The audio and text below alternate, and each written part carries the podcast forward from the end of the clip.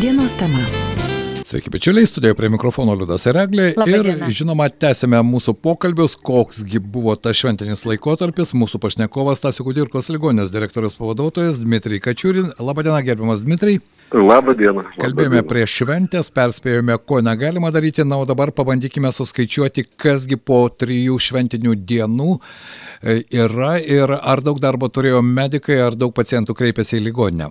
Galiu pasidžiaugti, kad e, šitos šventės praėjo stebėtinai ramiai ir nebuvo jokių at sužalojimo atveju ar autoįvykių ar, ar dar smurto kažkokio atveju. Tai tikrai stebėjosi ir traumatologai, ir chirurgai. O taip per priimimo skyrių pas mus kreipėsi 210 žmonių. Skaičius irgi, sakyčiau, neįprastai mažas, paprastai būna apie 100 žmonių per parą, bet greičiausiai padėjo mūsų kolegos iš pirminių e, sveikatos centrų, kurie dirbo šventiniam dienom. Taip, 210 pacientų, jūs sakote mažai, na kągi. Atrodo tikrai nemažai. nu, kaip ir sakiau, būna paprastai apie šimtą žmonių per parą. Aišku, na, džiugu, kad e, galbūt žmonės išmoko saugotis, e, išmokome švesti ir štai medikams per kalėdinės dienas buvo mažiau darbo. Dmitrijai, tikėkime, kad e, iš tikrųjų ta tendencija tarpų švenčių išliks iki naujųjų metų. Iš ties skaudžių įvykių pietų Lietuvoje nebuvo, nors kitose šalies vietose ir autoįvykių buvo gana skaudžių ir žmonės nukentėjo, bet pas mus kažkaip to išvengta. Bet dar vieną temą su jumis norėčiau pasikalbėti. Nuo rytojaus dienos, gruodžio 28-osios, e, įsigalioja galimybių paso pasikeitimai. Kiek tai pakeis darbą e, ligoninėje, ar pakeis ir ar pacientai turi kažką žinoti, norėdami kreiptis į Stasio Kudirkos ligoninę? Aš e, supratau iš tos e, ministro pasisakymų, kad e, iš esmės pacientam niekas nesikeičia, kas liečia sveikatos apsaugos sistemos, kažkokiu pasikeitimu nu, nenumatoma. Tik tiek, kad yra akcentuota e, personalo saugumo klausimas, rekomenduota dirbti su padidė, padidinta apsaugos lygiu, ten, kur galima tiesiogiai kontaktuoti su COVID sergančių pacientų. Ir taip pat rekomenduota, kad darbuotojai, kurie dirba tuose skyriuose, būtų e, paskėpyti ir paskėpyti sustiprintą dozę, sustiprinančią dozę. Taip, ta trečia vadinamąją dozę. Na, o jeigu pažvelgia į tą prabėgusi šventinį savaitgalį, ar COVID ligonių padaugėjo Stasio Kudirkos ligonė? Praėjusią savaitę mes kalbėjome apie 50 ir e, tą praktiškai užpildytą reanimacijos septynių palatą. O kaip e, štai prabėgų šventėms? E, Šiandien po švenčių ryte radome penkis pacientus reanimacijos skyriuose ir visi yra, visiems taikoma e, dirbtinė plaučių ventiliacija ir 46 pacientai COVID skyriuose. Tai va, toks skaičius ir išlieko 45-50. Jis taip ir sviruoja, taip kaip matome, Taip, taip ir svyruoja. Kol nepriklausomai. kas skaičiai stabilus. Taip, e, stabilus skaičius, na, tas stabilumas irgi, ko gero, čia yra iš vienos pusės geras rodiklis, aišku, svarbu, kad neperkrauti to skaičiaus ir medikams e, ta našta, kad e, stipriai nepadidėtų. Bet e, tikėkime, kad šventės praėjo žmonėms saugantis ir save, ir aplinkinius, ir to padidėjimo kol kas jūs neprognozuojate, o galbūt situacija keisis, kaip jūs galvojate?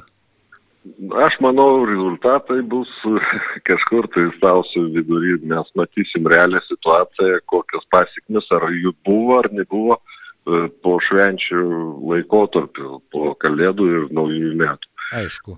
Dabar dar ir moksleivių atostogos, tai irgi šiek tiek, ko gero, gali pristabdyti, ypatingai omikron plitimą. Tokiu atveju Lietuvos Stasio Kudirkos ligoninė jau buvo fiksuota ar ne? Naujos atmainos. Mes nežinom, po tie tyrimai gi atliekami santarų klinikose ir rezultato kažkokio mes e, neturim atbulinio ryšio, ar tai omikronas ar ne omikronas. Ai, aišku, grįžtamo, grįžtamoji informacija į Stasio Kudirkos ligoninę nesugrįžta, ar ne? Čia jau įsijungia Ne. nacionalinės visuomenės sveikatos centras, ko gero. Greičiausiai. Aišku. Na kągi, Dmitrai, neblogos žinios iš Stasio Kudirkos ligonės, tikėkime, kad iš tikrųjų ta situacija stabilizuosis ir tie skaičiai neauks. Ką galėtumėt patarti tiems, kurie tarpų švenčių jau pradėjo atostogauti? Medikai dėja, kaip ir visi kitų tarnybų darbuotojai, dirba ir šventinėmis dienomis, o ką tiems, kurie vis dėlto šventės prasitėse tampa vos ne dviejų savaičių žiemos atostogoms? Tai puiku, tegul žmonės pailsi, visi sunkiai ir tintai dirbama, nebūtinai ligoninė, ir mokyklos, ir prekybos centrai, ir kitos įmonės, visi susiduria su tą problemą, vis tiek psichologinė įtampa visuomenė nu, tikrai yra padidėjusi, tai tegul atostogauja, galvoja vis dėlto apie saugumą. Ir, ir aš asmeniškai niekur nenorėčiau keliauti šitų laikotarpių, to labiau, kad kaip matome, netgi avialinijų personalas serga ir tiek tūkstančiais reisų yra atšaukiami. Taip, per kalėdinės dienas buvo pasaulyje atšaukti daugiau kaip 7 tūkstančiai reisų. Na ir tie, kurie ten į kruizinių laivų atostogas nukeliavo, ten irgi tam tikrų problemų yra. Tai vienu žodžiu, per daug toli nekeliauti rekomenduojate. Nu, čia mano nuomonė, kiekvienas, aišku, turi savo pasirinkimą, savo planų. Taip, be jokios abejonės. Kiekvienas priima sprendimą, atsižvelgdama žinoma ir į saugumo situaciją, saugodamas ir save ir aplinkinius. Dmitrai, ačiū Jums už e, neblogą informaciją, geros dienos, saugokite save, būkite sveiki, tikėkime, kad ligonės personalas taip pat sveikas. Taip, šiuo metu yra tik tai vienas sergantis iš 900 mūsų darbuotojų, tik vienas šiuo metu serga COVID lyga. Aš dar labai norėčiau prieš pokalbio pabaigą jūsų, Dmitrijai, paklausti. Štai šventinis laikas turbūt yra tas metas, kuomet eina kalba dar ir apie įvairius apsinuodijimus. Ar, ar tokių atvejų būna? Ir jeigu taip, kada jau reikėtų kreiptis į ligonę, o kada dar žmogus pats kažkaip savarankiškai gali namuose tvarkytis? Kada jau yra ta riba, kai viskas ligoninė yra ta vieta, kai jau reikia kreiptis? Nu, ta, ta, šiais, vat, šių šventinį laikotarpį tokių kreipimųsi nebuvo saugusių. Buvo nu, vaikučių nemažai, kurie mm -hmm. buvo atvykę į prieimimo skyrių su tokiais nusiskundimais, kad vėmimas, viduriavimas, nu, tiesiog jie negali, negali susitvarkyti namuose ir po trumpo gydimo, po infuzoterapijos, tai jie praktiškai visi buvo palisti namo.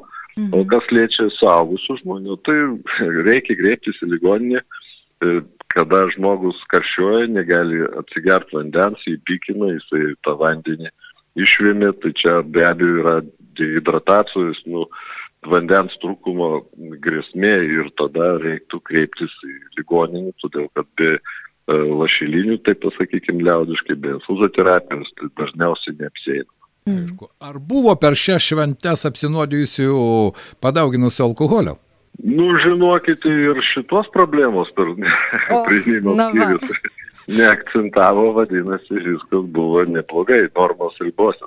Na štai, galbūt iš tikrųjų, Dmitrai, po truputį išmokstame švesti?